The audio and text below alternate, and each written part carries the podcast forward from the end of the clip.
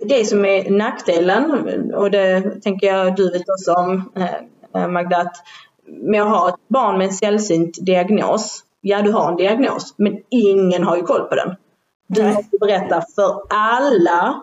Alltså när vi säger att ja men hon kommer in på sjukhuset eller hon kommer in på vårdcentralen och så är det något man måste prata om. Så, ja, tänk nu på att hon har hela TUBB4A relaterad leukodystrophi. Jaha! Och vad är det då? Och berätta. Åh, oh, kan du, ja men okej, okay. men eh, mm, alltså. Ja.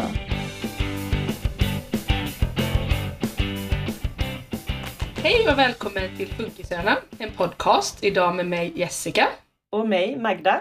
Och idag har vi med oss en gäst, Sara. Och det var jättekul att du ville vara med. Eh, och du får jättegärna börja och berätta lite om dig själv, tänker jag. Ja, jag heter Sara Lelki, eh, bor i Malmö sedan eh, 17 år tillbaka. Eh, är från Höllviken egentligen som ligger liksom bara söder om Malmö. Ehm, uppvuxen där. Jag är gift med min man Alexander. Han kallas Lelle. Och vi har två barn. Moa snart sex år och Teja fyra år. Ehm, ja, jag jobbar som eh, nämndsadministratör i Burlövs kommun. Sitter eh, gentemot eh, miljö och byggnämnden men är på ett gemensamt kansli så arbetar lite övergripande. Och nu så har jag faktiskt med en kollega hand om valet så just nu är jag valsamordnare också. Ja, så det är lite av mig. Ja då har du fullt upp nu då. Ja, det är verkligen fullt upp. Det är så, och det är ju första gången jag är med och anordnar ett val. Um, mm. Så att jag, alltså allting är ju nytt. Min kollega är ju erfaren som tur för alltså det är så mycket detaljer. Otroligt mycket detaljer som man inte tänker på ska klaffa på mm. en och samma dag. Det är ju både valdagen men det, sen har man ju förtidsröstningen också under eh, två och en halv veckas tid innan. Men det är ju massor av detaljer. Det är liksom öppettider, man ska titta på lokaler och titta på tillgängligheten och säkerheten runt omkring. Och man ska få in eh, röstmottagare som ska stå och arbeta, vi ska utbilda dem. Alltså det är, ja, det är enormt. tänker man inte på. När Nej, man, själv, absolut inte. man själv går in, röstar, mm. färdigt. Ja men precis, och det är så det ska vara. För då har man ju lyckats. Ja, ja, och det är så det är jag också alltid har tänkt att ja, ja men jag går ju dit, det ska, det, det ska bara vara naturligt. Du går och röstar och sen så går du därifrån och sen så har du gjort din demokrat, äh, demokratiska liksom, rättighet. Och det, liksom, det bara ska vara så naturligt som möjligt och det ska bara fungera. Och då har man ju lyckats och det är ju det vi strävar efter. Så att, äh, det, är, um, det är jättespännande, verkligen. Mm. Gud vad kul. Jag mm. som tänkte liksom då lite in på att mycket att göra för jag tänker du har ju en dotter som mm. kräver lite mer än eh, en vanligt normtypiskt barn. Som ja, men... alla här har, i sitt tillliga. Men det är lite därför vi vill att du ska vara här också. Mm. Vi känner att eh, ja, hon är ju det är ju Moa. Hon är Moa. Hon är verkligen Moa. Ja. Um, hon, uh, alltså det är så många gånger vi har eh, tagit liksom och haft diskussionen här hemma att ja, alltså Moa är Moa och hade hon inte varit alltså den Moa som vi har så hade det inte varit vår Moa. Um, och det vi liksom tänker att det är ju mycket att vi har diskuterat det här kring hennes sällsynta diagnos. Att hade hon inte haft den så hade det ju verkligen inte varit vår Moa. Och det har ju tagit tid. Nu är det ju snart, eh, ja i juni månad så är det två år sedan hon fick sin diagnos. Och det Moa har är ju, ja det är ju en väldigt sällsynt diagnos som hon har. Det finns, vad vi vet så finns där tre i Sverige, där Moa är en av dem. Eh, ett hundratal barn i världen som har den. Eh, och när vi fick diagnosen så var Moa den första som de hade upptäckt med den specifika varianten som hon har. Mm. Den heter ju eh, TUBB4A, relaterad leukodystrofi. Det är kopplat till en gen då gissar jag? Ja, det är TUBB4A-gen. Precis, jag gissar på det för det lät som en gen det där namnet. Eh, yes. Vincent har ju också en ovanlig kromosomavvikelse mm. och han är ensam i Sverige fortfarande mm. om det inte har hittats någon sen sen eh, sist vi hörde från dem. Ja. eh, så, så eh, det lät som en gen för mig kände jag. Mm. Men då var hon ändå, vad blir det, fyra år när hon fick, eh, när ni mm. fick reda på hur lång tid tog det från att de började skanna så att säga, det själva den här genetiska skanningen man gör? Alltså, det tog hela från vi började faktiskt att ha en utredning till hon fick en diagnos var ju cirka ett och ett halvt år. Okay. Um, ehm, för hon, men jag har ju haft en magkänsla sedan långt innan dess att det var någonting som jag kände att nej, det, jag undrar om detta ska vara så här. Och jag kan inte riktigt sätta fingret på vad det var från början som jag kände för Moa. Eh, alltså jag har ju haft en, jag hade ju en normal graviditet, jag hade en normal förlossning, det var inga avvikelser. Eh, BVC tyckte hon utvecklades hur bra som helst, hon satt tidigt, hon var stark i nacken tidigt, hon var, alltså hon verkligen körde på sitt race och har alltid varit en sån här rultig, god liten unge. Det enda hon hade som var jobbigt eh, under hennes första halvår, det var att hon hade kolik. Och hon hade ganska mm. ordentlig kolik.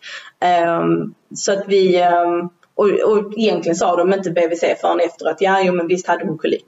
Men under tiden vi kämpade så var det verkligen så här, ja men prova lite det här och lite mm. så. Det var, mm. Men hon... Vincent, med, Vincent hade med kolik och jag kände igen det där att under tiden när det pågick så var det liksom det var ingen som berättade att det här var kolik utan ta den här medicinen och den här medicinen och testa och gunga och rapa och, ja. och så vidare. Sen i efterhand bara, ja ah, han hade ju kolik. Ja. Det var liksom bara, man bara så här, kunde inte sagt det från början för då hade vi liksom kunnat arbeta ut efter det eh, med de förutsättningarna. Men nej, då var det ju mer så. Och jag tror nog att alltså, hon utvecklades på och allting men alltså när hon började, skulle börja gå så var hon väldigt noggrann med att hon skulle hålla våra händer. Hon ville inte släppa. Vi visste att hon kunde gå för hon tog sina första steg runt ett år och sen tog det ändå lång tid för henne att våga liksom gå och så här. Runt ett och ett halvt år då vågade hon ändå släppa men hon var väldigt snubblig och väldigt liksom lätt, alltså det lilla minsta kom en vindpust så bara satt rasade hon ihop. Um, och, hon, och jag har alltid liksom reagerat också på att hon var inte världens mesta som jollrade och pratade så mycket och höll på med sånt. Men hon var ju ändå social. Men jag tyckte att, och nu när jag då har Teja också så har jag ju ändå lite mer där att säga att hon var mycket tystare än vad mm. Teja har. Sen är det ju personligheter som också går in i hur barn är. Men det var ändå när hon närmade sig ja, inte två år, men ett och ett halvt där, ja men när i alla fall när det gick över eh, och när vi under tiden vi väntade Teja, det var då som vi bara kände så nej men, men någonting liksom börjar, det, det är något knepigt. Så sommaren... Är det då ungefär barn lär sig prata? Åtta, va, ett och ett halvt? Ja, ja. Pra, började hon inte prata riktigt då eller vad var det? Jo, då började hon ändå prata men alltså den här tiden innan att hon jollrade inte så mycket. Hon, snack, alltså hon var inte så eh, den här liksom hon var social så men hon var inte jättesnackig. Alltså med jollrande och allt vad barn alltså så, gör ljud av sig. Men så det var lite det jag, jag alltså, tänkte på. Eh, och sen var det att hon stabiliserade aldrig upp sig. Även om hon började förskolan så snubblade hon hela tiden och det var liksom hon ville alltid hålla någon i handen. Hon ville alltid vara oss nära. Hon var väldigt, blev väldigt lätt rädd för eh, det hon inte riktigt kunde förstå. Alltså, och då började liksom, även när hon blev liksom två år och så här, alltså gå på ett eh, köpcentrum och se stora väggar med eh, människor eller ansikten eller vad än. Det, hon blev livrädd, alltså hon kunde inte vara i närheten av det för hon fick panik att det var obehagligt. Hon kunde inte gå ner i källare, hon kunde inte gå ner i garage, hon kunde inte... Mycket sånt som hon vi märkte att hon inte liksom klarade av. Och då blev vi lite så här, ja men vad kan nu detta vara? Um, och då så började vi också tänka på att vänta lite, hon kanske inte ser. Det kanske därför hon snubblar. Och vi tänkte att hon, hon hade så mycket öroninflammationer och alla sa till oss, ja men det är inga problem. Hon är alltså hon är ett barn, hon går i förskolan, det är väl inget konstigt att hon får massor av sjukdomar och hela tiden. Men alltså hon hade, på ett år hade hon tio öroninflammationer. Var det tio olika öroninflammationer då eller var det kronisk öroninflammation? Nej, utan det var ju... Tio olika. Ja, för Vincent hade kronisk öroninflammation ah. fram tills han var kanske, det var någon gång i skoltiden han slutade ha det. Okay. Men då är det ju inte tio olika man har utan då hade han ju det som en kronisk, mm. en kronisk öroninflammation. Ja, alltså hon hade ju under en, hon hade under Eh, Eh, och det var hon innan hon var två år, så hade hon under en och en halv månads tid, då hade hon dubbelsidig öroninflammation under en och en halv månads tid. Då de försökte med fyra olika antibiotika och hon fick ju ehm, reaktioner på de antibiotika också. Hon fick ju, alltså hon fick ju inte bara nässelutslag utan hon fick ju alltså utslag över hela kroppen som kliade och ja. Så att hon, hon är ju en liten otursfågel i sig, så hon har ju varit väldigt mycket inom vården. Jag kollade alltså var hon hade varit inne och så hade jag typ så 28 besök i min journal och så hade hon över 300 eh, med sina små. Och det är ju inte, vi har varit lite i vården jämfört med andra barn. Men det blir ändå liksom här, man får lite perspektiv på det hela. Um, Beror på men, vem man jämför med ju. Eh, märker man sen. Så är det. Vincent är ju också mitt första barn. Man mm. märker ju sen då med lillebror att eh, det var nog inte så normalt som man trodde att hänga Nej. på sjukhuset hela tiden. Nej, och, och det har vi ju märkt med, med Teja. Uh, och jag menar, Teja har ju typ inte varit någonting på sjukhus. Mm. Hon har typ inte ens varit på, ja, hon har varit på BVC. Hon har varit uh, någon gång på vårdcentral. Men annars har hon aldrig varit där. Men Moa har ju varit otaliga gånger så vi, så mycket vi vabbade eh, ja, de första åren med Moa när hon var på förskolan och innan förskolan. Alltså hon var ju jättekänslig ens innan hon kom till förskolan. Men, men fick ni sånt bemötande då att nej men det är inget att vara orolig för, små barn är infektionskänsliga? För det fick jag när Vincent började förskola. Han, han fick ju varenda mm. sjukdom i boken för att han ja. började förskola. Då fick vi liksom det här, äh, det, alla barn är infektionskänsliga. Ja. ska dra igenom allt så är det bara. Liksom. Ja, ja lite så. Men måste, måste man hamna på barnakuten för varje Nej. sån man ska dra igenom? Nej. Är det verkligen normalt? Nej. Nej. Men så var det. Så var det verkligen som du beskriver eh, Alltså de, alla så BVC sa till oss och vårdcentralen sa till oss och alla liksom bara så, nej men hon, är, hon får lite mer infektioner än andra barn. Men vi bara kände, ja fast detta känns ju lite i överkant och Moa är ju vårt första barn så vad skulle vi säga? Vi var ju nya på allting. Allt Moa gör är ju nytt för oss så att vi måste ju lyssna känns det mm. som. Eh, ja antingen måste man lyssna eller så måste man vara påläst själv. Mm, precis. Så är det ju. Eh, jag började känna så här, nej jag tycker inte BVC lyssnar på oss. Jag får börja göra egenremisser. Så jag gjorde egenremisser till öron i Lund och jag försökte göra, jag gjorde till ögon i Malmö för jag tänkte ja men vi måste kolla hennes ögon, vi måste kolla öronen.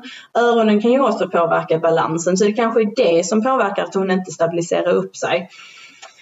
Så ehm, ja men så gick det sin tid och jag fick ju inte höra jättemycket från de olika instanserna mer än att eh, ja, vi hamnade i en kö. Ehm, men så var jag på BVC ännu en gång och så sa jag, men kan vi inte kolla upp, kan vi inte liksom se till så hon får i alla fall rör i öronen så att hon får någon hjälp. Så vi åkte ju ner till Trelleborg, hon blev opererad, ja de sa ju att hon skulle ha rör i öronen och sen opererades hon. Ehm, och så sa läkaren till oss, om inte detta blir någon påver alltså om inte detta påverkar hennes balans, att den blir bättre, då måste jag remittera er vidare. Så vi kom tillbaka en månad senare hennes balans hade inte blivit bättre mm. under eh, den månaden. Så då remitterade han oss vidare till barnmedicin i Malmö. Eh, för då tyckte han, neurologteamet, för då tyckte han att här är ju någonting annorlunda. Här är ju inte eh, liksom vad det brukar vara. Så samtidigt som den remissen gick till barnmedicin så fick hon också glasögon. Vilket inte heller är överraskande för både jag och då Lelle har ju haft glasögon sedan vi var sju år. Men sen jag menar, men eh, hon var ju ännu mindre. Men ändå, det var liksom så här, vi var, ja, och då kände vi så här, ja men då kan det ju vara varför hon inte Eh, hon kanske inte ser när hon kommer in i ett garage, hon kanske inte ser när hon kommer in i en källare eller hon kanske inte kan se när det liksom är ojämnt i marken och hon tycker det är obehagligt. Hon kanske, det här lufttrampar egentligen, det är därför hon snubblar och det är därför hon trillar så lätt. Så man försökte ju. Eh, Men hade hon en eh, grov synnedsättning då? De fick glasögon? Alltså hon, har, hon har, alltså Ja, inte, det var ändå rätt så mycket. Alltså jag, jag är så kass på att komma ihåg. Um, ja, det just det. Var det ett vanligt synfel så, här, så att glasögon skulle hjälpa? Eller? Ja, men också med ögonlappsträning. Mm -hmm. uh, ja, men det, ja, det är samma som Vincent Jäger. Han har väldigt mm. Starkt synfel och mm. skelade väldigt mycket. Så det blir också mm. ja, det är sånt som Hampus borde ha men han vägrar. Ja. Han borde ha både lapp och glasögon men det går inte. Vi har nästan lagt ner det där. Mm. Ja. Mm. Nej men hon, eh, alltså hon, är ju, hon har ju närsynt och så har hon ju brytningsfel. Eh, mm. som, som både jag och Lelle har.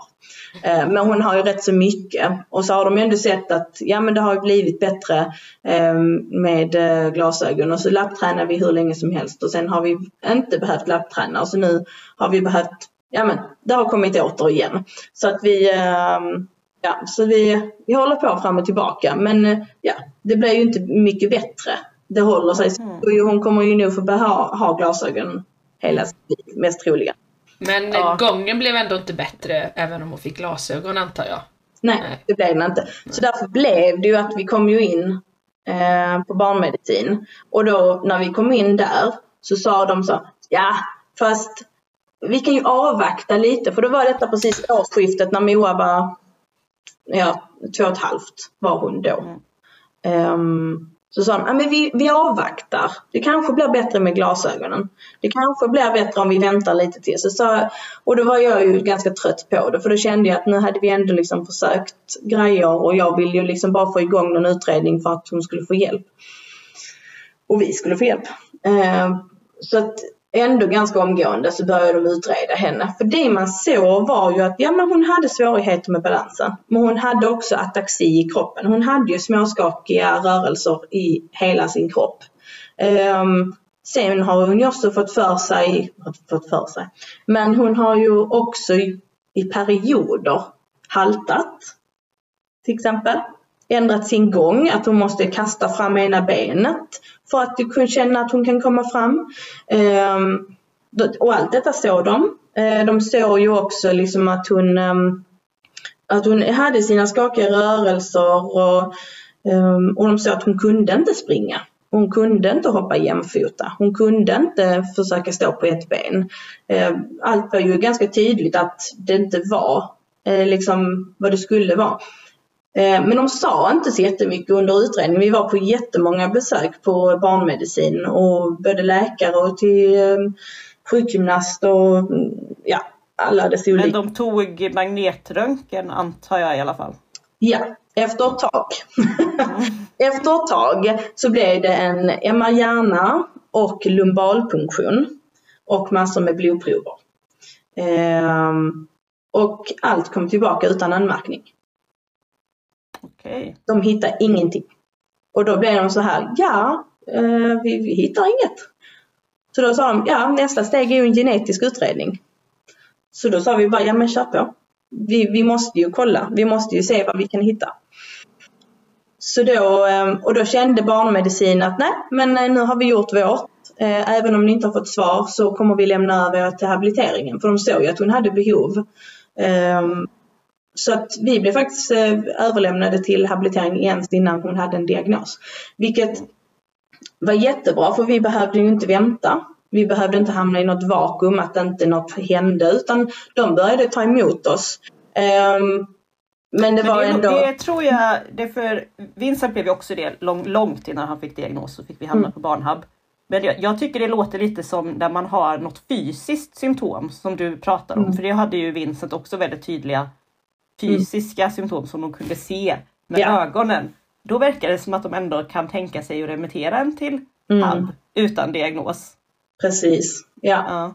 Det är det jag också har fått, eh, för när jag har pratat med andra föräldrar så det, det är ju när det är det fysiska.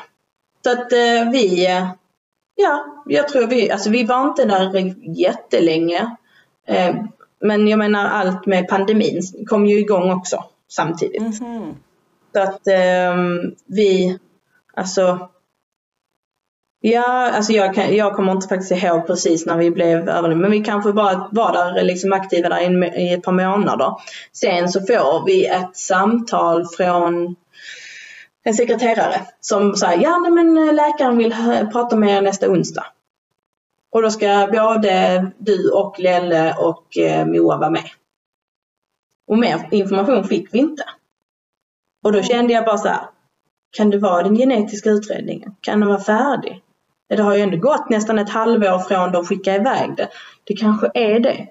Och det var den värsta veckan på länge som jag hade haft. Så jag tyckte det var ingen information, inte varför vi skulle utan bara vi skulle dit och jag visste inte hur jag skulle hantera det. Så att alla mina mm, ja, tankar från att det bara liksom är ett läkarbesök, ett årsbesök eller något sånt där till att katastroftankarna att ja men nu, nu kommer vi få höra att Moa ska, hon kommer eh, leva bara ett par år eller ja, allt möjligt tänkte jag. Um, och det var ju lite oturligt i sig för den här läkaren hade vi ju aldrig träffat innan. Jaha, gud. Gud vad jobbigt. Så första gången vi ska träffa läkaren så visar det sig att hon ska alltså ge beskedet om vilken diagnos Moa har. Så att hon tyckte det var jobbigt och vi pratade om det faktiskt innan vi fick veta vilken diagnos eh, Moa fick. Så sa hon själv också att det är oturligt att det blir så här. För att det hade varit bättre om vi hade, lagt, vi hade någon sorts relation innan hon skulle berätta för oss att ja, detta är Moas diagnos. Ja, verkligen första mm. gången man träffar någon och så är det ett av de viktigaste mm. ett av de viktigaste svaren man får faktiskt. Precis. Um, och vi fick ju Moas diagnos då. Um, och det var ju i, samtidigt som det var skönt att faktiskt få någonting att hänga sig upp vid att okej, okay, vi har en diagnos. Så var det ju enorma frågetecken. För hon kunde ju inte berätta något om den. Hon bara så ja den är ju väl, den är sällsynt. Den är en motorisk diagnos, en progressiv diagnos. Jaha, men vad innebär detta? Och samtidigt så sitter Moa i rummet och leker. Den tyckte jag det var den svåraste biten, att jag skulle både hantera, få all information och så ska jag ha Moa där och titta på henne och känna bara vad betyder detta för henne och vad betyder det för oss? Vad, vad kommer hända? Um, men ja, det, jag, jag hade tagit den eftermiddagen ledigt och sen tog jag dagen efter ledigt också från mitt arbete. Uh, och jag kunde inte, jag kunde inte, jag hade Moa hemma för vi vabba, dagen efter fick vi vabba. Um, men jag satt den dagen efter, bara rakt upp och ner.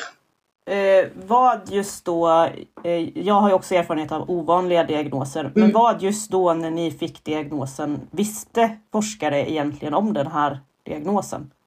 Alltså, det, de, alltså de visste ju om att detta är en diagnos som då som sagt är progressiv så att någon gång i Moas liv så kommer hon tappa eh, utveckling, kommer tappa förmågor. Ehm, detta är en diagnos som eh, bryter ner myelinet som sitter runt nervtrådarna i hennes hjärna. Så att det gör att, ja, att kroppen inte gör det hon vill den ska göra. Ehm, det är en, en diagnos som går mestadels på det motoriska men också på det intellektuella. Hur mycket? Det kunde man inte säga. Hur mycket detta kommer drabba Moa, det vet vi inte. Jag har ju läst på en del efteråt att det finns ju olika grupper och så, men det var ju inte någon information vi fick då. Vi fick ett, en, vi fick ett papper på engelska där det var verkligen så här Ja men det är detta som finns om diagnosen. Alltså, och så fattar man hälften av orden typ. Alltså, det är exakt så ja. det var för oss. Ett, pa ja. ett papper på engelska och man bara Eh, va? Jaha, vad är detta? Finns det ja. så ovanliga diagnoser ens? Ja, om, om man bara kände så här, alltså när vi gick ut därifrån så var det bara så okej okay, vi har en diagnos. Bra. Men vad innebär det? Ja, precis. va, va, va, liksom, och, och ja, men det var ju sån lättnad samtidigt som det var alltså, så enorma frågor som man bara sa jaha, kommer hon, menas detta på att hon kommer leva ett långt liv eller kommer hon inte leva ett långt liv? Hur kommer det bli? Jag är som person, jag har alltid tyckt om att planera framtiden. Det är inte att jag måste vara utstakat att ja men den ska se ut så här och så här men jag tycker ändå om att framtidsdrömma. Det raserades ju totalt just då. Jag bara kände att jag vill inte veta vad framtiden kommer att ge. För vet vi inte vad Moa, hur hon kommer utvecklas eller vad som kommer hända med henne, då vill inte jag se den framtiden. För nu mår Moa bra. Alltså ja, hon har sina svårigheter, men hon mår bra. Nu vill jag, då vill jag stanna tiden. Ehm, det, jag, det tyckte jag var ganska svårt och där var ändå habiliteringen duktiga på att direkt fånga upp oss och gav oss en samtalskontakt direkt. Ehm, för att ehm, möta upp så att inte vi liksom Ehm, svamla runt i något mörker. Fast de inte kunde säga så mycket, fast frågorna kvarstod och inga svar fanns. Um, men sen har jag ju jag har själv läst på och jag har hittat mer och jag eh, jag tycker ändå jag är rätt så duktig på engelska. Jag har en, eh, jag har en kandidatexamen som jag har läst eh, på Malmö högskola ja, innan det blev universitet eh, på engelska. Så att jag, jag känner ändå att jag har en viss bra hum om att jag kan förstå en del sådana texter, svårare texter. Ehm, men alltså det var ju ändå jättesvårt. Alltså det att ta till sig och förstå. Men, men det de har sett är att det är tre olika sorters av grupper av barn eh, med den här eh, diagnosen. Eh, det är en grupp av barn som har svåra funktionsnedsättningar från första början. De, de, kan inte, de lär sig aldrig att gå, de kan inte eh, tala, de har svällningssvårigheter och de sitter eh, ja, men i rullstol. Alltså det, är eh, omfattande. Och sen är det en grupp med barn som utvecklar sina färdigheter fram tills de blir 10-15 års ålder och sen börjar de backa i utveckling. Och sen finns det en grupp av barn där de har sett att de har sina, alltså alla sina förmågor, de är nedsatta på olika sätt, men de har det resten av sitt liv. Där är det inte så stor progressiv påverkan. Och vi vet ju inte om Moa tillhör den sista gruppen eller den mittersta. Vi vet ju om att hon inte tillhör den första gruppen. Mm. Um, så att... hur, eh, hur tänker du kring det? Uh, att lära sig på något sätt lära sig leva med den ovissheten. Det är ganska länge mm. ändå. Mm. Vad sa du, att man märkte det när de var 15? Ja, 10-15 år. 10 till 15 år, det är mm. ganska lång tid kvar. Ja, hur, hur tänker du kring det? vi har väl kommit fram till det att vi, har, eh, alltså vi accepterar det nu. Alltså vi känner att vi får ju se vad som händer. Ehm, jag kan inte, eller vi kan inte liksom måla fan på väggen och säga att ja, men det, det kommer att bli det här. Utan vi har ju verkligen hamnat i mer i att leva nu.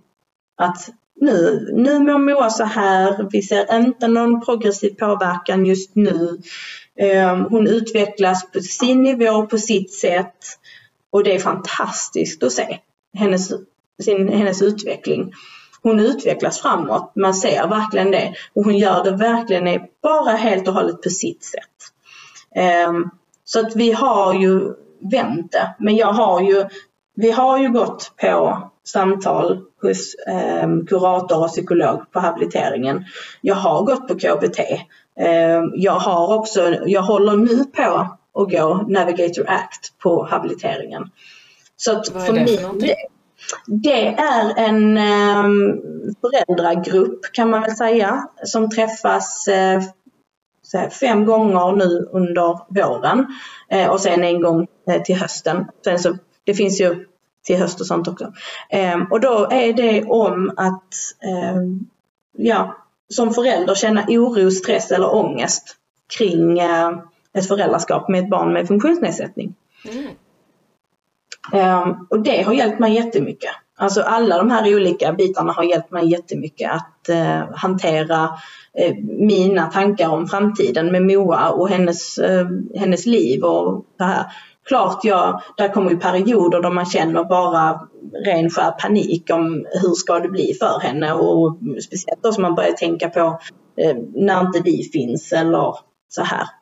Mm. Men just nu så är vi, har vi kommit i alla fall en bra bit på vägen att vi känner att det är bättre att leva här och nu.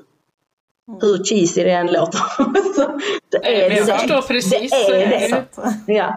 Sen har vi också funnit en pojke i, då, i USA som har exakt Moas variant. Mm. Mm. Och han Hur gammal är, han då? Han är nio år. Mm. Så han, eh, han är ju då några år äldre än Moa.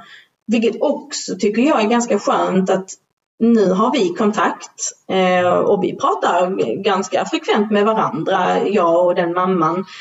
Och eh, vi vill gärna träffas när det blir möjlighet. Eh, och han utvecklas ju fortfarande framåt. Och jag vet hon skickade en video när han spelar baseball och han har liksom lärt sig att springa och han börjar kuta runt den här planen. Mm. Och jag ser och jag bara blir otroligt ledsen och lycklig och säger det är ju Moa. Mm. Och han, sättet han springer på, det är det sättet hon försöker springa på. Mm. Eh, har de barnen, ser de nog lika ut om, om, om du ser dem? För så är det lite med Vincents kromosomavvikelse. När jag ser bilder och filmer på andra barn så tycker jag det ser ut som hans eh, syskon ungefär. De är väldigt lika. Är det något sånt eller är det mer Nej, där tycker jag inte. Jag, jag inte att jag kan säga att det är några likheter mellan honom och Moa så. Det kan jag inte göra. Uh, men uh, ja, det, det är inte något som jag har tänkt på faktiskt. Inte? Jag, det är väldigt slående när jag får kontakt eh, med folk utomlands då eftersom att det inte finns ja. i Sverige. Mm. Det blir väldigt slående för mig ganska direkt. Bara, Oj, det här ser ut som Vincents syskon. Så jag, jag, får nästan den känslan ibland när man ser att de mm. utvecklas och sånt du berättar. Som att det mm. var Vincents syskon som ja. på något sätt. Alltså jag tycker just i sättet, alltså om man tänker sig så här, eh, jag tycker inte ansikte och sånt kan jag inte riktigt säga, men jag tycker kroppshållningen eh, och som sagt sättet som de rör sig, som han rör sig på och som Moa rör sig, det är liksom det är där, där skulle jag kunna säga att de skulle vara som syskon, att ja men det, det är väl klart de hör ihop. Eh, så att, ja, det var, så slå, det var slående för mig att se honom springa. Det var helt otroligt. Jag och, och, alla som vi har visat det för har ju också sagt att ja, men det är väl klart det är Moa som springer där. Mm. och det, en dag. En dag kanske. hon, hon, eh, det är ju ändå fantastiskt också att hon har ju utvecklats mycket så nu idag så kan hon sätta fart mer eh, än vad hon har kunnat innan. Fallrisken ökar ganska avsevärt. Men eh, hon har ju sina eh, mjukhjälmar och hon har ju så här och vi får springa efter henne. Eh, och så. så att eh, hon, eh, hon kämpar verkligen på. Det är så häftigt att se hon har lärt sig att hoppa jämfota. Och hon, eh, hon kan hon, relativt ändå en liten stund stå på ett ben. Så hon, det som är en av hennes stora, alltså verkligen fördelar, det är att hon har ju en kämpaglöd som, ja, som är utav denna värld. Alltså hon, det, hon är så envis att okej, okay, sitter de andra pärlar, ja, Moas pärlplatta kommer ju åka hitåt och ditåt och pärlorna kommer ju hoppa av, men hon ska pärla. Hon ska göra det. Det finns inget annat. Hon tänker inte gå och göra något annat. Det är det som är så skönt och fantastiskt att se med henne. Eh, att hon vägrar ge upp. Och jag hoppas hon bibehåller den. Ja, verkligen. Och, jag, och det, både jag och Lelle säger att det är någonting som vi måste kämpa för. Att få att den känslan som hon har nu, att hon ska. Hon, hon vill, hon kan, hon ska. Att den ska bibehållas, den liksom, känslan, hela sitt liv. Att vi ska liksom trygga henne där. För det, det är underbart att se. Mm.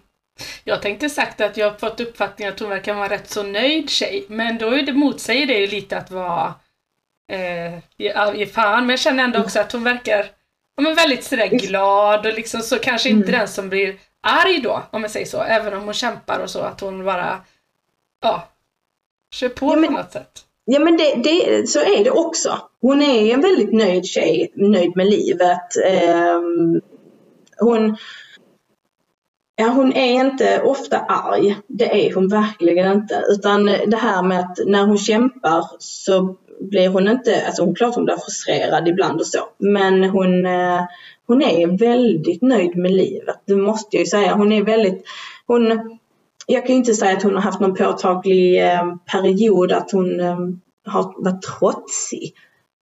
Hon har ju inte heller varit en sån, hon, hon har ju alltid accepterat att vi har gett henne mediciner.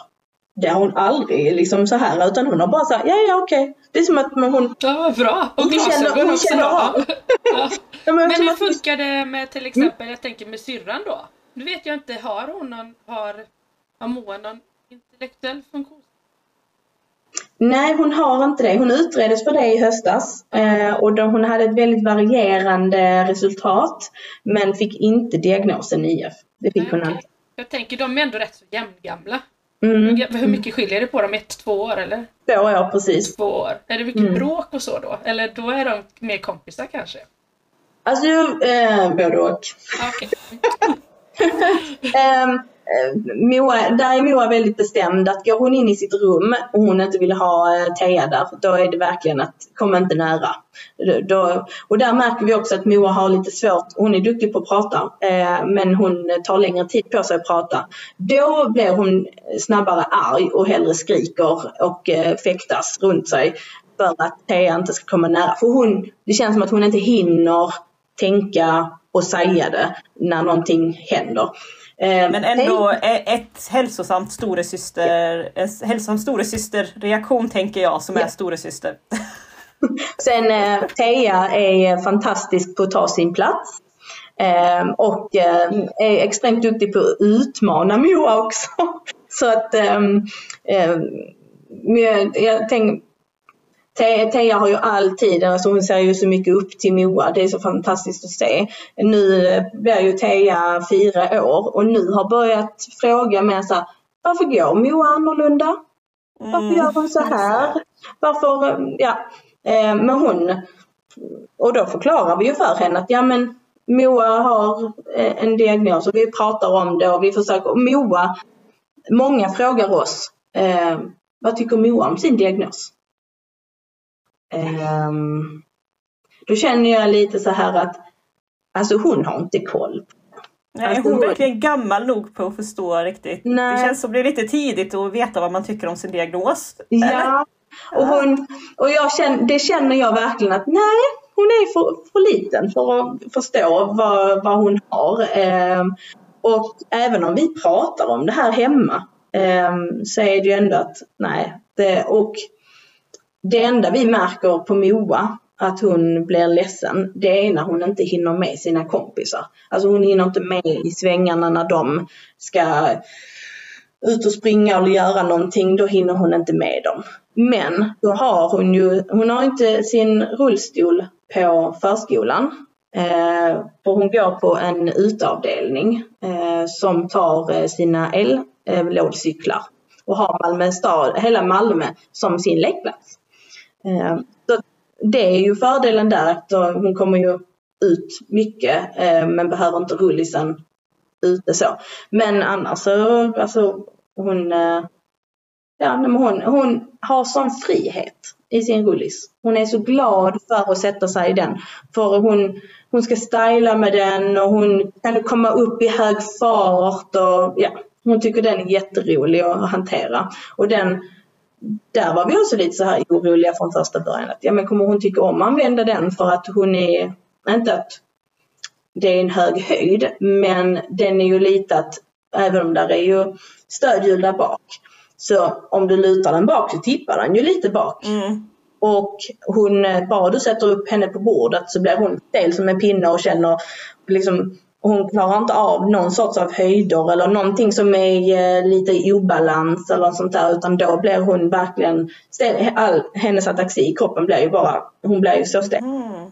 Så hon... är det något, eh, har ni fått veta om det är något med balanssinnet? Det låter ju lite, när du berättar så låter det som något med balansen. Ja, alltså vi har ju påpekat det väldigt mycket. Eh, och det tillhör ju det här eh, i hennes diagnos så tillhör det ju att stelhet i muskler och allt sånt också eh, som är en del av diagnosen och spasticitet och allt sånt här. Men det är ingen som ja, tittar på det. Det är ingen som har tagit tag i. Det vet ni inte utifrån att det är balansen eller att hon är lite orolig att det ska tappa. Så, så det vet ni inte? Nej. Nej. Det, det, är många bitar som jag känner ligger ganska löst och är väldigt löst fortfarande i att vi inte vet är det för att Moa är en orolig själ eller är det någonting annat som också bråkar med henne? För att hon, ehm, hon, hon har ju lätt för att bli ängslig. Hon har, mm. hon har liksom lätt att få en oro i kroppen att uh, hon tycker inte om ljud. Och då behöver det inte vara höga ljud, det kan räcka att det är ljud som hon inte vet var de kommer ifrån. Ehm, att någon borrar i en annan lägenhet här eller eh, det kör förbi en bil ganska fort eller ehm, ja, eller det, ja. det kan vara vad som helst egentligen.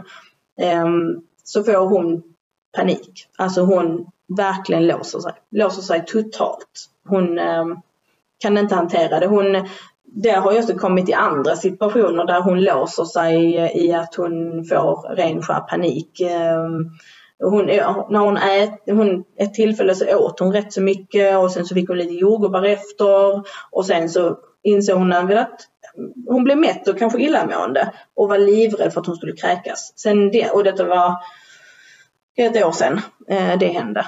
Och hon har ju fortfarande svårt för att äta ibland för att hon är livrädd. Eh, och då låser hon sig och då, alltså det har gått i perioder. Sen när det kommer magsjuka så blir det samma sak igen. Att då tänker hon inte äta mer.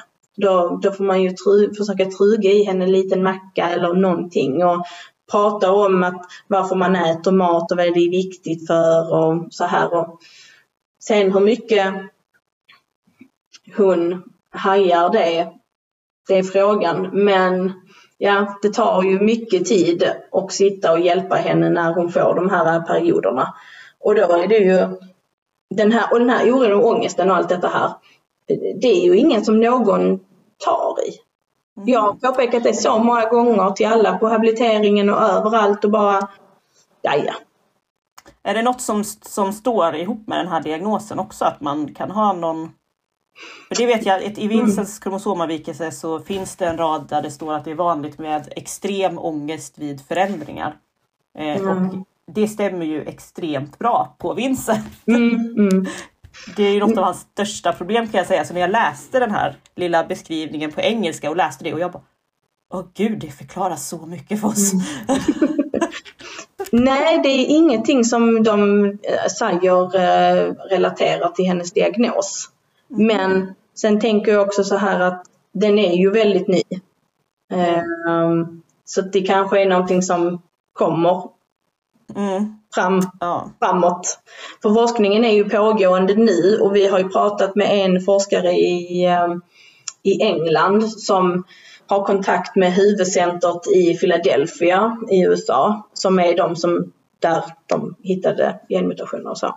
Um, så att vi ska försöka bli aktiva via dem att liksom sprida ordet om diagnosen.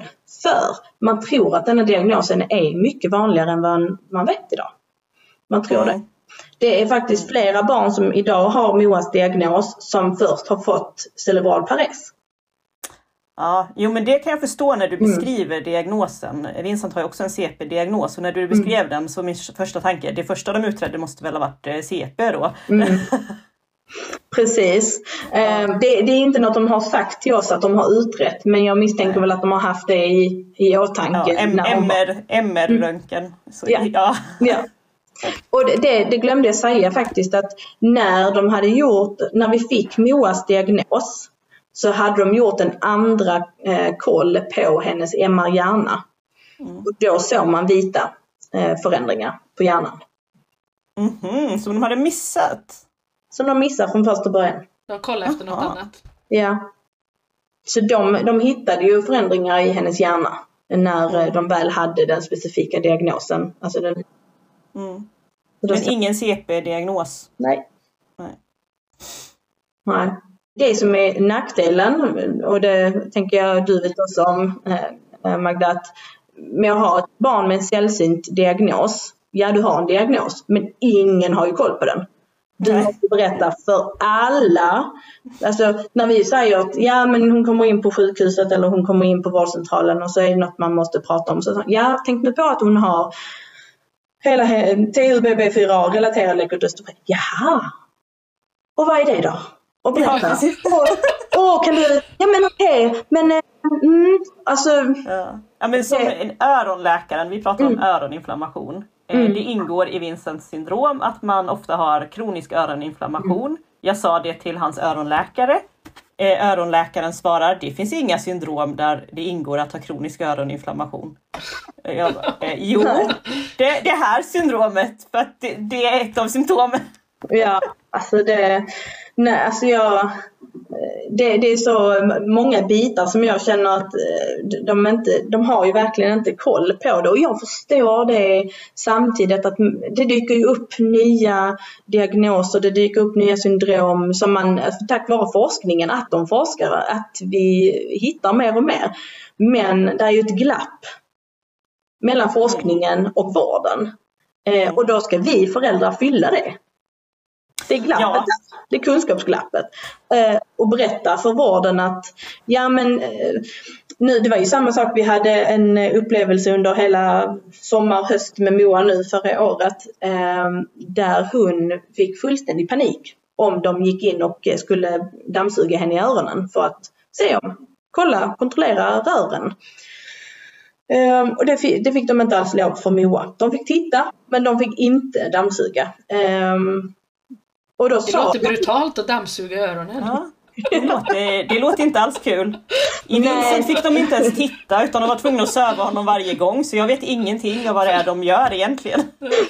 Nej, alltså det, alltså det är ju en pytteliten sak men den ska ju suga upp all vax ju. Och jag ja. förstår att det låter. Har, och har man då problem med ljud ja. så hjälper det ju inte att något som hon inte hajar att ja men okej det här går till en maskin. Vi har sagt ja, men det är ju för att de ska göra rent dina öron. Habiliteringen har sagt till oss, ja men lek med tops, lek med allt möjligt för att få fram det. Ja, vi uppmuntrar barnen att stoppa ner tunn, små grejer ja. i öronen. Gör det bara. ja, precis. ja, men jag har det problemet hemma, de vill ju det. Jag bara, nej, inte. ja men precis. Nej. men så att de, de försökte ju, eh, vi, men det som var där då, som jag fick trycka ett par gånger på, var ju att säga till dem Moa är under utredning för IF. Mm. Och så tänkte jag, då kanske de tar hänsyn till det. Då mm. kanske de tänker ett steg längre. Försöker eh, möta henne på ett annat sätt. Ingenting. De Nej, det, är ju, det är ju i princip bara i specialisttandvården jag har varit med om att de förstår Vincent mm. och hans diagnoser. Ja. Eh, han har ju autism då också, då blir mm. det också väldigt mycket ångest och oro och allt det här med nya saker, nya personer. Mm. Och så ska de vara nära en och pilla i ens öron och titta i ens ögon. Det är ju väldigt konstigt. Eh, men det upplever jag att det bara är specialisttandvården egentligen som förstår. Mm. Mm. Konstigt nog. Samma sjukhus men... Ja. ja. Nej men jag, vi, jag tycker inte att vi har fått, när, när Moa, och ännu en gång, som sagt, det här oro och ångest och allt vad hon har nu för tiden, det har kommit liksom successivt. För Moa har ju alltid annars varit en sån att, jaha okej, okay, ska vi till doktorn? Ja men vad roligt. Och så har hon varit lattjo och nöjd med att vara med där och bara fått så har vi lekt liksom och tagit med ett leksaksstetoskop och så har hon, ja ja okej du måste titta där, ja men gör det, du måste lyssna där, okej. Okay. Bara följt med. Och nu så kommer det ju mer och mer att hon visar ju att hon, hon vill inte, hon, eh, hon förstår inte, hon, hon, begräns, alltså hon låser sig. Och då säger ju jag och Lelle ifrån och säger att ja, ja okej men vi försöker. Men det får ju inte heller vara att jag ska behöva sitta och hålla Moa Nej. i en halvtimme där hon gallskriker. Jag vill inte, släpp mig, nej, nej, nej, släpp mig, jag vill inte. Alltså det tär på en ju. Det, man, Nej men sånt går, jag, sånt går, jag faktiskt inte med på längre för Nej. att eh, jag tror att det har gjort Vincents sån ångest mycket mm. värre. Mm. För I början när jag var ung mamma och inte förstod så mycket så gjorde jag ju som läkarna sa. Mm. Mm. Och Vincent har aldrig tyckt att det var en bra idé med läkare. Det har aldrig varit något han tyckte var okej. Eh, så, e- efter ett tag så insåg jag att det här blir bara värre och värre för mm. varje gång. Så att mm. jag har helt och hållet slutat gå med på det. Jag, jag håller inte fast honom Eh, vill, är det något jätteviktigt så får vi ge honom lugnande då mm. så att mm. han går med på det. För jag, jag tänker inte göra något traumatiskt överhuvudtaget. Men funkar det med lugnande? För det har vi ju provat med Hampus men det har liksom inte ens gett effekt. De vill inte prova på Moa. Nej, varför inte? Nej, för de säger att det inte ska ge effekt. Ja, men då okay. har jag ju, då har jag ja, sagt men då, man kan ju ge det en chans i alla fall. För det så sa de med Hampus också, att de trodde mm. inte... Men de olika, medel, olika medel ger olika effekt. Så det beror ja. kanske på vilket man får. Tänker jag. Ja, och jag känner bara så här, vi kan ju inte ta bort eh, liksom, möjligheten innan vi har provat att den, om den fungerar eller inte fungerar. Jag, mm. Det som jag har sagt till dem när vi har diskuterat Ja men jag vet inte om det kommer fungera. Men det är väl, vi måste prova. Ja fast då blir det ju lite mer omständigt. Då måste vi ju ge det och sen måste vi ju lite lägga in henne för att hon ska då mm. komma ur det och allting. Och jag, ja. Ja. ja. Och precis. Det är väl min, det är min tid. Det är min tid som förälder, det är min tid från mitt arbete, det är min tid så som, ja visst det är en resurs för, för sjukhuset och en kostnad. Men jag håller inte fast Moa mer. Jag vill Nej. inte. Jag vägrar. Jag ska inte. Och Moa, jag menar hon blir ju sex år nu. Hon ska börja skolan till hösten. Alltså, eh, ja vi har eh, utrett henne för IF. Eh, hon har ojämnt resultat. Hon har en viss del svårigheter i förståelse. Eh, men nej, jag tänker inte hålla fast henne mer. Jag vill inte. Jag vägrar. Jag tänker också så här att även Vincent har ju definitivt IF mm. Så, mm. och det vet vi. Men jag tänker ändå att man har en rättighet. Ja. Oh ja. Alltså man har rättigheter, ja. man kan inte hålla, hålla fast. Och, jag, jag är ganska emot läkare mm. som verkligen förespråkar det. För det gjorde de mm. verkligen när Vincent var liten. Och de mm. pressade en och så. Eh, och jag kan tycka att det är fel för barn har också rätt till sin egen integritet och ja. eh, säga ifrån och sånt. Så att, ja. Eh, och jag håller fullständigt med för att jag tänker så här, hade vi accepterat om någon hade hållit fast oss och vi hade sagt nej. Det hade vi inte accepterat. Varför ska ett barn bara för att det är litet eh, behöva acceptera det? Eller alltså, för att man har IF. Det är inte heller en, en rimlig anledning att hålla fast någon. Nej, nej. Så att jag, jag tycker att eh, förr så var jag mycket mer så här, eh, men visst då var ju Moa också mer lugn till vården. Ehm, och nu är hon inte det på alla punkter, vilket jag då också förklarar för dem att ja, ni tycker det är jätteviktigt med hennes hörsel. Det gör jag också. Men detta är en sak som ni tittar på. Jag är på så många besök eh, på olika kroppsdelar, eh, på habiliteringen, på eh, alltså allt vad vi nu än är. Det måste ju kunna fungera där. Vi kan ju inte, vi kan ju inte skrämma Moa så att hon inte vill gå till vården på olika ställen för att ni behöver dammsuga hennes öron för att se om hon hör prickfritt eller inte.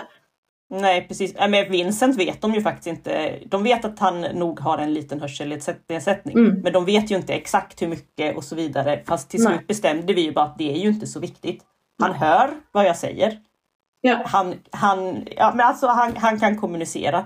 Mm. Hur, hur viktigt är det att veta exakt hur bra eller dåligt han hör? Ja. Jag, jag pratade med en, eh, en annan läkare på eh, på öron just inför julen. För det hade Moa en period av att hon var rätt så ängslig och orolig och sånt. Och då sa jag till den läkaren att ja, vad är det som gör att vi måste ta ett besök till nu innan jul? Moa har så mycket ångest just nu. Vi behöver väl inte lägga ännu mer på henne. Det tar från henne, det tar från oss. Vad är det som gör det så viktigt? Så sa jag, hon hör, jag lovar hon hör. Hon pratar svenska. Hon kan jättemycket på engelska, lär sig konstant nya saker på engelska. Hon älskar Dora Utforskaren som pratar både svenska och engelska i programmet. Alltså hon bara suger åt sig. Hon sitter, vi kan prata i köket, hon sitter i sitt rum och kommer ut och säger nej så är det inte eller vad än. Hon hör. Mm. Alltså och man ser på Moa när hon lyssnar, hon får sådana stora Dumbo-öron som bara åker ut. Mm. ja, vi har liksom full koll på att ja, hon hör. Så sa den här läkaren då, nej, vi behöver inte, vi måste inte. Det enda är så att Moa är ett barn med en diagnos. Vi måste ha liksom koll på hennes hörsel. Hade hon varit ett barn utan diagnos så hade vi släppt henne nu. Mm -hmm. Så sa jag okej, okay, men kan vi inte avvakta till kanske Mo, när Moa har en period då hon inte har så mycket ångest? Och, så. Han sa klart vi kan vänta. Så nu hade vi ett besök här i april då inte jag gick med utan det fick Lelle ta. Och de fick titta i hennes öron, inte dammsuga. Eh, och eh, hon var hos en audionom som då hade kört något hörseltest. Och de såg att hon hörde. Mm -hmm, vilken bra. tur! Ja, vilken tur att hon hörde. Alltså... Men de behövde ha audionomen som sa det, inte att vi... Det räckte inte att ja, Fast audionomen har inte kunnat säga om Vincent hör eller inte faktiskt. Nej. Det är för att han reagerar ju inte på grund av hans autism. Så Nej. Han reagerar inte på deras tester. Eh, men eh, vi sa till slut ändå att han definitivt hör. Ja. Eh, också öronläkaren, Vincent har ju ekotal så han säger ju det som man säger. Så han satt ju och härmade öronläkaren med så öronläkaren kände sig ganska säker att han hörde. ja men det är väl ett bra resultat i sig. Om han säger exakt det du säger då bevisligen hör han ju vad du ja. säger.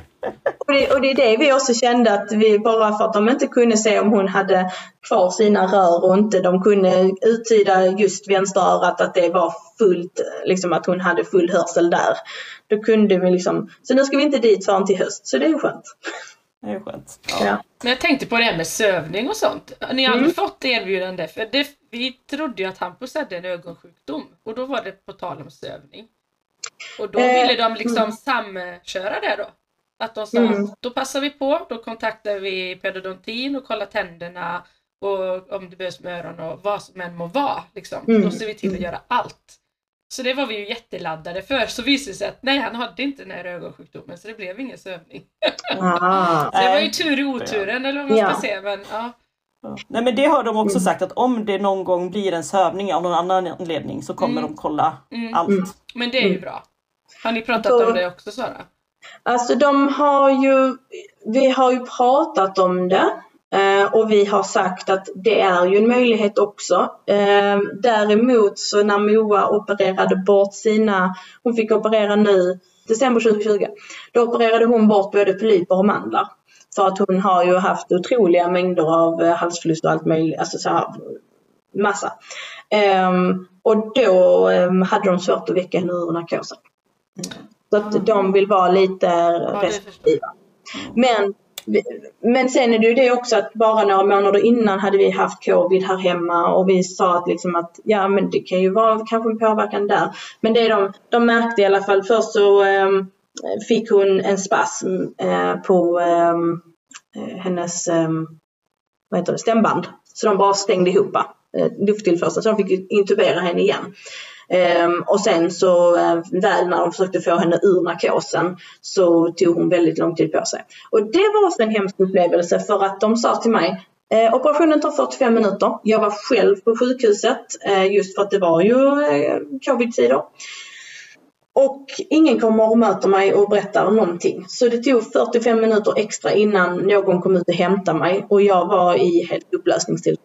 Det, var, det förstår jag. Det, det är ju jättehemskt att vänta på de där uppvaket. Ja. Eh, det är ju Mm. Även ifall det inte är något allvarligt, även om läkarna säger så här, det här är ingen fara, så är ju en sövning ändå en sövning. Liksom. Ja, precis. Så att vi, um, så att de, de var ju väldigt mycket om ursäkt för att ingen hade kommit ut och informerat mig eh, vad som hände. Och det var ju aldrig någon fara för liv för Moa, men det är ändå någonting som numera står i hennes journal att man måste ändå observera att man måste ha en extra koll. Sen är det ju det liksom att hennes eh, diagnos påverkar ju liksom alla hennes olika muskler i kroppen med tanke på att det är liksom nervtrådarna som påverkas. Ju. Så att, att det skulle kunna påverkas av det också, ja, det är ju det är inte konstigt. Alltså det, vi vet ju inte var i kroppen det påverkar henne.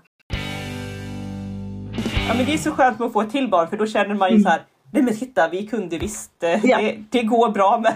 Ja, och det, det är också som jag känner att um, till exempel um, när andra föräldrar säger till oss att ja men ni har ju lekplatsen utanför, men ni kan ju bara släppa ut barnen och leka. Ja, Teija kan vi göra så. Vi kan släppa ut Teija på lekplatsen och leka och kunna se henne. Men det finns ju inte en chans i världen att vi kan göra det med Moa. För, alltså, jag bara känner så här, Ja fast alltså vi måste ju, behöver inte stå på Moa eller hålla henne eller någonting sånt här. Men vi måste vara närvarande för att ett, två, tre så börjar hon tappa balansen. Ett, två, tre håller hon på att trilla. Det kan vara upp för en trappa, det kan vara upp för alltså var en hon är eller hon håller på att trilla av en gunga eller så här. Och det är också en sån sak, hon får inte igång en gunga själv. Alltså det, vi, då måste vi ju hjälpa henne att gunga. Hennes syster klarar att gunga själv men det gör inte hon. Så att, mm det är så intressant att höra hur andra bara så här, men det är bara att släppa ut Nej. Och då känns det nästan som att förr innan så tyckte folk också då att ja men kan ni släppa ut barnen och Moa kan, hon är ju så gammal hon kan ju springa ut där lite själv eller så. Fast nej det kan hon inte. Hon kan inte. Och det kändes som att vi eh, var eh, för överbeskyddande. Det känns, känslan mm. hos mig var att folk trodde och tyckte att vi var överbeskyddande. Men allt handlar ju om att de har ju inte heller förståelse för att de är inte i den situationen vi är. Och jag förstår det, att de inte förstår. Men det blir ju ändå lite, man blir ändå lite sårad i sig för man känner mm. tro inte att vi inte vill. Vi vill mm. jättegärna. Men vi vill ju inte heller att det ska bli en skallskada. Ja. Nej precis, nej men jag kände definitivt, även Vincent har ju svår autism och svår mm. IF och en CP-skada. Men jag, kände, jag har alltid känt att folk tror att det är jag som på något sätt är mm. överbeskyddande. Mm. Eh, inte nu längre, nu är han 11 och det är liksom synligt tydligt. Yeah. Kanske, alltså nu, nu känns det inte så länge, men när han var mindre, kanske när han var så två år och folk sa så här, ja men ifall du slutar bära han så börjar han gå. Mm, eh, om du slutar följa ja. efter han överallt så kan han själv. Eh, du måste låta han försöka och sånt här. Eh, jag, jag, upplevde definitivt att folk trodde det på något sätt var mitt fel att han hade mm. funktionsnedsättningar. Eh, ja, och det, och, och det, det känns... Inte. Nej, precis. Det, det, nej, för det man kom och det är ju också en sån här diskussion man kan ha med andra att eh, eh man säger ja men vi har ju fortfarande liksom i olika perioder med dålig sömn här hemma och så här. Säger de, ja men när de blir äldre, då ska du se, då sover de och då är det så här, ja det är kanske det är för andra. Men, och det är ju också det här att ja men du ska kommer ha så mycket tid när dina barn flyttar hemifrån. Ja fast jag vet ju inte om Moa kommer att flytta hemifrån. Jag har ju inte koll på, jag vet ju inte hur hennes framtid ser ut. Och den kan jag också ibland känna att Gud vad man tar allt det där för givet att barnen kommer en dag flytta hemifrån och barnen kommer att klara sig själva. Och den kan jag känna att den är också lite svår att hantera i diskussioner där jag egentligen skulle vilja säga till dem att ja fast då kanske inte det är fallet för oss. Så att mm. Du säger ingenting alltså? Va? Du säger ingenting då? Tänker, för jag kan vara sån om någon säger så till mig, den har man ju hört så många gånger, så då säger mm. jag ju precis som det är att ja fast vi har, vi har en Hampus här hemma också. Så då får mm. man se. Ja, men det trodde väl att han, han kommer ju säkert kunna få bo på något gruppboende och sådär. Bara, ja, men eh, vi kanske inte vill det eller det kanske inte finns. Liksom, hur ser LSS ut om eh, 10-15 mm. år? Liksom? Det vet man ju inte. Nej, alltså jag, det, det beror lite på eh, gruppen har jag märkt, vem jag sitter och pratar med.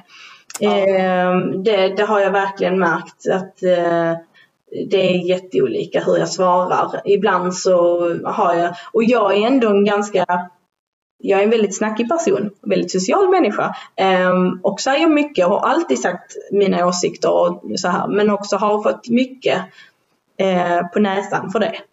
Um, ja, samma här. Jag är ju sån som bara råkar säga och så ofta mm. blir folk lite sura. Mm. Tyvärr. Mm. Ja, och jag vet om detta och um, min, min pappa säger ibland att ja men alltså om, vad är det han brukar säga? Han brukar säga leker man med djävulen så får man ha eld i truten. Mm. det var bra. Det är liksom att man, man, alltså man, man får ju ändå liksom, och jag är beredd så att därför känner jag att mer och mer växer, alltså från dag, alltså verkligen för varje dag som går, så känner jag att jag måste påverka. Jag eh, måste göra mig hörd för Moa, inte bara Moas skull, men för barn med funktionsnedsättningar. Eh, och jag, jag, kan, jag kan ju bara se ur den världen, eller bara kan jag inte, men jag har bara kunskap just nu om den världen vi lever i. Jag har inte kunskap idag om olika eh, eh, olika diagnoser så. Eh, jag, Helt andra diagnoser än vad Moa ja, har? Nej, ja, har man alltså, inte. jag har ju inte det. Jag skulle ju så gärna vilja ha det. För att ha, jag, har för, jag tycker det är viktigt att ha eh, öppet sinne och förståelse för andra och jag lyssnar in. Alltså jag lär mig så otroligt mycket av alla er andra. Jag lär mig dagligen någonting eh, om andras diagnoser och tycker det är så intressant. Jag har fått så mycket tips och så mycket lärdom. Alltså, det är fantastiskt. Ehm, så att jag känner att mer och mer vill jag påverka, mer och mer vill jag säga ifrån. Och jag tänker inte heller tulla på om det skulle vara att jag tappar vänskaper eller vad det kommer. För i slutändan så måste jag ändå tänka så att stod jag upp för Moa, stod jag upp för det jag tror på, ja men det vill jag ju kunna tänka i framtiden att ja men jag stod upp för Moa, jag gjorde allt jag kunde för att hon skulle få en likvärdig skolgång eller ehm, ja, förståelse i samhället, få samma rättigheter. Ehm, så att det, jag har väl haft många gånger en diskussion för mig själv och med Lella att jaha, hur mycket ska man dela med sig i sociala medier? Hur mycket ska man dela med sig om Moas diagnos till andra? Var går gränsen? Var, men sen, ja. Om man ska kunna påverka måste man ju berätta sin historia. Precis, så är det tyvärr. Ja. Eller, tyvärr. Men man måste vara öppen till en viss del. Det finns ju mm. någon gräns för alla oss yeah. såklart. Yeah. Men till en viss del så måste man kunna vara öppen för att kunna få förståelse också. Mm. Men det, det, märks ju ändå att man, man eh, får lära många. Och bara uttrycka sig till mig på ett klumpigt sätt börjar jag mer och mer säga ifrån för jag tycker att man måste tänka sig för. Um, inte bara till mig, men kan jag vara en röst för andra som inte kanske har en röst, ja men så att uh, ja, jag tycker det är viktigt. Därför är det fantastiskt att jag nu är med och uh, startar upp föreningen uh, Funkisfamiljerna. Jag såg det faktiskt innan ja. idag såg jag det. Ja. Kul. Det hände igår så därför är det Nej, jag såg det faktiskt idag. Eh, att mm. det hade kommit upp ett, in, ett inlägg på Instagram. Det är spännande. Ja. Det Kanske får komma tillbaka och berätta om det också någon gång. Ja, det kan jag göra. Jag tycker att ni gör ett fantastiskt jobb. Det är så otroligt viktigt. Det är, som sagt att, att eh, sprida kunskap och information. Alltså bara, bara att få berätta om olika personers eh, vardag och livsöden och så. Det är mm. så viktigt för att känna en samhörighet. Mm. Tack för att ni har lyssnat och det vore jättekul om ni ville lämna lite kommentarer på våra sociala medier. Funkishörnan podcast, både på Instagram och Facebook och även e-mail. Ehm, så hör gärna av er. Eh, och det var jättekul att Sara ville vara med. Ha det så bra. Hejdå! Tack, hejdå!